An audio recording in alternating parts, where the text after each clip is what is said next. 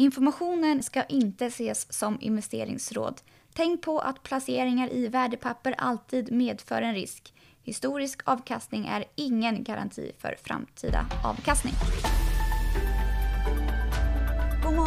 Från Paretodesken. Det är fredag och det är den 25 september. Idag ska vi prata senaste månadens techfrossa på Wall Street och sen ska vi prata Storytel med Stefan Wård.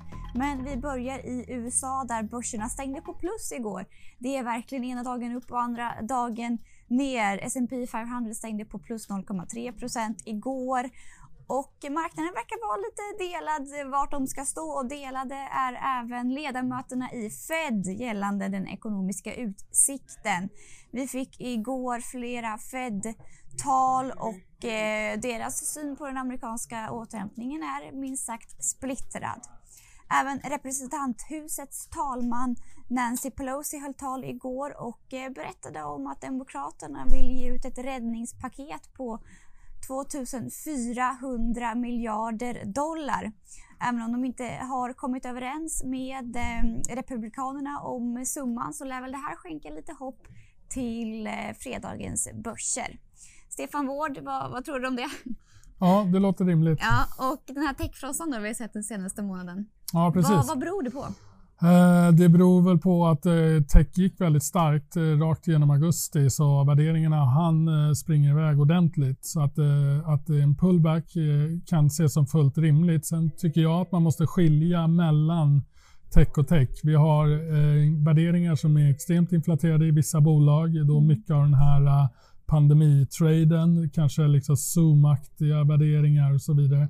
Medan vi har den absolut största delen är ju då Facebook, Apple, Microsoft, Amazon och Google. Den eh, gruppen av bolag har ju också haft en ordentlig sättning. Apple är ner närmare 20% senaste månaden. Mm.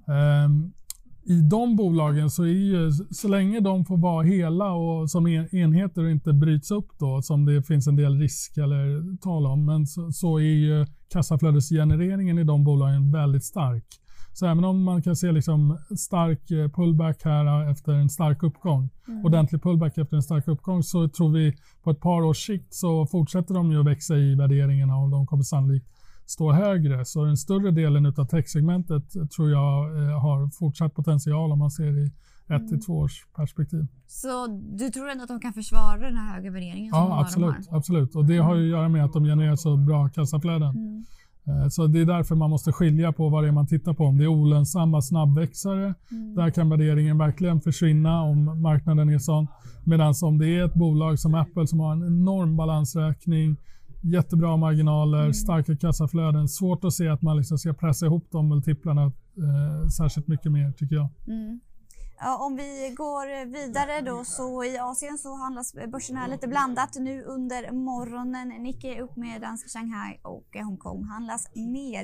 I Sverige väntas Stockholmsbörsen öppna på plus och eh, några nyheter under morgonen är bland annat Swedencare förvärvar två bolag inom djurhälsovård till en summa av eh, 500 miljoner kronor då gemensamt för de här förvärven. Det kommer delfinansieras av en nyemission på cirka 300 miljoner kronor.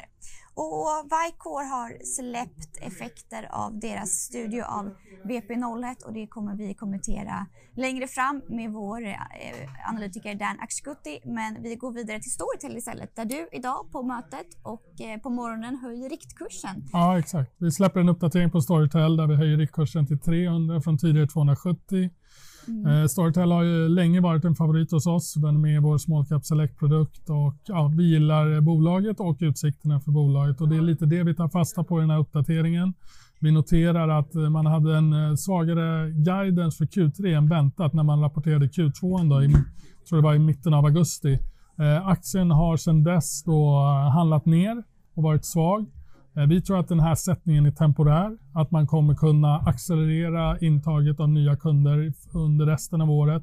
Därför så ser vi sättningen i Storytel som en bra möjlighet att ta exponering i vad vi ser som en tillväxtstory över kommande tio år skulle jag beskriva det som. Mm. Väldigt eh, positiva till utsikterna för bolaget och utsikterna för ljudboksmarknaden generellt. Mm. Och eh, lönsamheten är ju någonting som eh, man alltid tar upp. Kan vi kommentera på det? När blir de lönsamma i fler marknader tror du?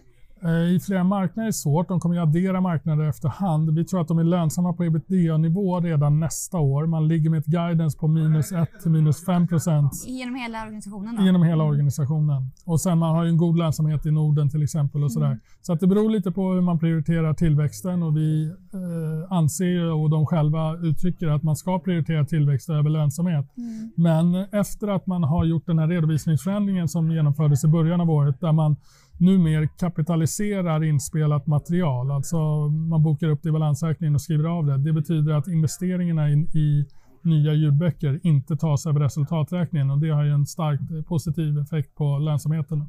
Mm, och riktkurshöjning till 300 kronor aktien. Alltså nu handlas den i 231 men i, eller somras så såg vi nog riktig peak där att den nästan mm. snudde på 300. Vad var det som hände där? Ja, nej, men det, det, var, den levererade ju en uh, väldigt stark utveckling under både första och andra kvartalet. Så mm. att jag tror att det var det som han, han i kapp liksom och tryckte mm. på värderingarna och sen så sätter det sig lite när man har ett lite svagare än väntat guidance för Q3. Mm. Uh, men vår 300-nivå är ju bara ett delmål. Det är vad vi tror att den rimligen bör kunna nå under en 12 månaders perspektiv. Men mm. ser vi, lyfter vi blicken eh, några år framåt så är potentialen mycket större än så. Mm. Ja, spännande. Vi följer ju Storytel nära här på Pareto. På måndag som du sa så släpper vi eh, vår nya produkt. Ja, Small Cap Select mm. där Storytel ingår. Så ja. då kommer vi göra en, en eh, genomgång av hur performance har varit där och mm. vad vi har för bolag i den mm. framöver. Och det ska vi följa upp så det kommer på måndag. Eh, tills dess så önskar jag er en trevlig helg helt enkelt.